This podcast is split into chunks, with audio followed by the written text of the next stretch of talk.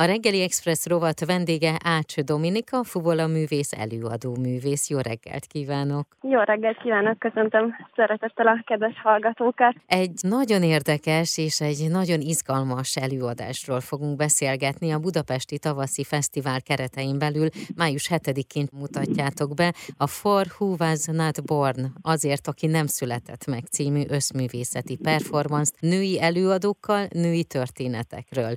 És az egyik tagja vagy te ennek az egésznek, te fejedből pattant ki ez az ötlet, hogy szülessen meg ez a performance? Az ötlet az a, az én fejemből pattant ki, illetve a cím az nagyon hangosan tübörgött bennem már egy ideje, és aztán ehhez kerestem meg azokat a női előadókat, akikkel szeretném megcsinálni. Tulajdonképpen véletlenek sodortak össze velük, Mária Valverde spanyol zongoraművésznő, illetve T. Pocner Veronika, aki pedig ütőhangszeres művész, úgyhogy így hárman alkotjuk ezt a formációt, és így hozzuk létre ezt a előadást. Mi lesz ezen az előadáson? Mert az, hogy performance, illetve az, hogy ugye ilyen teljesen performatív lesz az előadás, ezek hangzatos szavak, és szerintem biztos, hogy mindenki elhelyezte már magában, de ezt egy picit így nyissuk ki a hallgatók felé. Igen, ugye nehéz ezekkel a szavakkal így mit is kezdeni, egy performance, meg összművészet, és mindenkinek egy kicsit más jelent. Tulajdonképpen lesz egy dramaturgiai vonal, amit mi szeretnénk megmutatni, nem egy konkrét történetet fogunk elmesélni, hanem azokat a történetek, amik amiket mi megismertünk, azoknak egy kicsit egy ilyen összegzése, vagy hogy szerettük volna így átszűrni magunkon, megfürözteni magunkat benne, és aztán ebből kialakult az, hogy milyen érzelmi síkon szeretnénk mi majd a, a nézőket átvezetni. És aztán ezekhez kezdtünk el keresni zenéket, illetve jeleneteket, saját szövegekkel dolgozunk, illetve lesznek valamennyire kortárs szövegek is, de a zenében is szeretünk volna ragaszkodni a, a klasszikus alapoktól, bár mindhárman ugye klasszikus alapokkal uh-huh. érkezünk, és a Zenakadémiában milyen szinten kapcsolódási pont mind a hármunknak, de nagyon nyitottak vagyunk mi más műfajok felé is, improvizálás felé, tehát szeretük volna ezeket az elemeket is beépíteni. A téma ugye az a veszteség és a nőiesség. Ez hogyan fog megmutatkozni ezen az esten? Milyen darabok lesznek hallhatóak?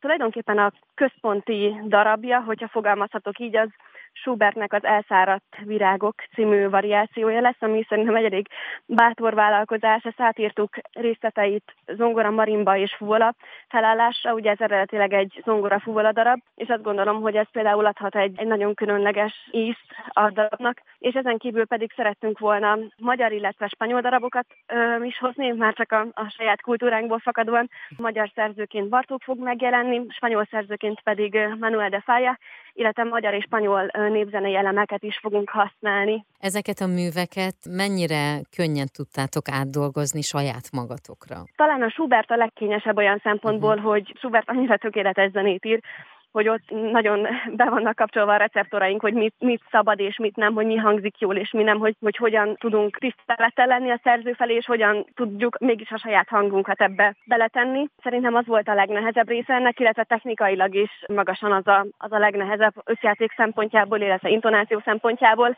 erre a formációra. A többi darab az könnyebben adja magát, tehát például a fáják, ezek a nagyon-nagyon spanyolos, ugye Mária ott van nekünk, aki, aki ebben uh-huh. nagyon jól vezet minket, hogy milyen is az igazi spanyol karakter, úgyhogy ezeket könnyebben átírtuk. Milyen hangszerek lesznek a színpadon? Mert én, ahogy utána olvastam, azért tudom, hogy nem csak egy-egy hangszer lesz ott. Igen, igen, mindannyian jövünk a saját hangszereinkkel, tehát én fuvolával, Mária zongorával, illetve Veronika, ugye ott az ütőhangszereseknél ez mindig kérdés, hogy mekkora uh-huh. a hangszerkészletet hoz. Itt dalamhangszerként a marimba lesz jelen, illetve mindenféle shaker, a rainmaker, illetve lesz egy dobszettje, Máriának lesz egy ukuleléje, még azon kívül lesz, használjuk a hangunkat is, tehát énekelni is fogunk az előadáson. Igen, erre akartam még rákérdezni, hogy ez mennyire nagy bátorság a részletekről. Mindannyian tanultatok ugye éneket is, tehát biztosak vagytok a hangotokban és magatokban. Abban vagyunk inkább biztosak, hogy, hogy amit csinálunk, kritikusak vagyunk saját magunk felé. Tehát nyilván azért nem professzionális énekesek vagyunk, egyikünk sem próbáljuk azokat a, a határainkat megtanulni, illetve azokhoz igazodni, amik vannak, és itt leginkább ilyen könnyű zenei dolgok fognak felcsendülni, szóval klasszikus énekléssel nem fogunk uh-huh. megbirkózni. Pont így nevettünk néhány nappal ezelőtt, hogy tulajdonképpen szerintem bátrabb dolog a Schubertet például átírni erre a formációra, mint sem, hogy mondjuk énekelni vagy megszólalni a, a színpadon. Klasszikus zenei tradíciók azok, azok jobban kötnek minket, és inkább ahhoz kell egyfajta merészség, hogy attól az ember el tudjon rugaszkodni. Ugye, ahogy a leges legelején, vagy az interjú közben is említettük, hogy a veszteség és a nővélyesség témája lesz az, amit feldolgoztok. Milyen íve lesz ez? Hova fogunk eljutni a végén? Én nagyon sokat nem szeretnék spoilerezni az előadásra, de van néhány olyan központi érzelem, vagy olyan központi elem, amit minden történetben, amit mi tapasztaltunk és amit hallottunk, az, az ott van.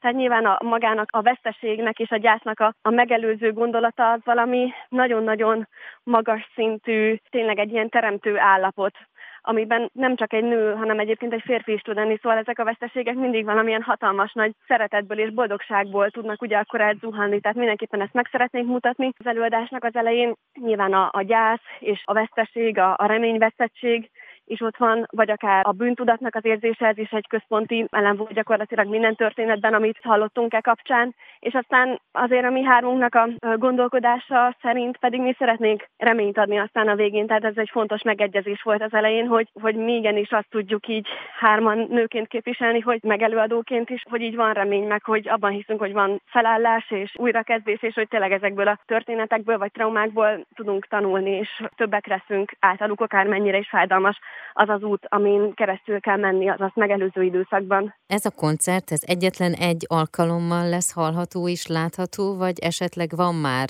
tervben az, hogy máshova is viszitek, és máshol is fel fogtok ezzel lépni, ha már ennyit dolgoztatok vele? Igen, igen, az biztos, hogy bemutatóra egy hétre a Lumen Caféban lesz egy előadásunk, szintén ugyanezzel, egy kicsit talán színházi környezetben, illetve most dolgozunk azon, hogy ennek a nemzetközi, tehát angol verzióját is el tudjuk vinni majd külföldre, és nyilván itteni helyszíneknek is szeretnénk majd kiajánlani, mert nekünk is ez nagyon erősen dübörög, hogy minél többet játszani majd ezt az előadást. Nagyon szépen köszönöm a beszélgetést, és nagyon sok sikert kívánok, és azt, hogy teltház előtt játszhassatok. Köszönöm szépen.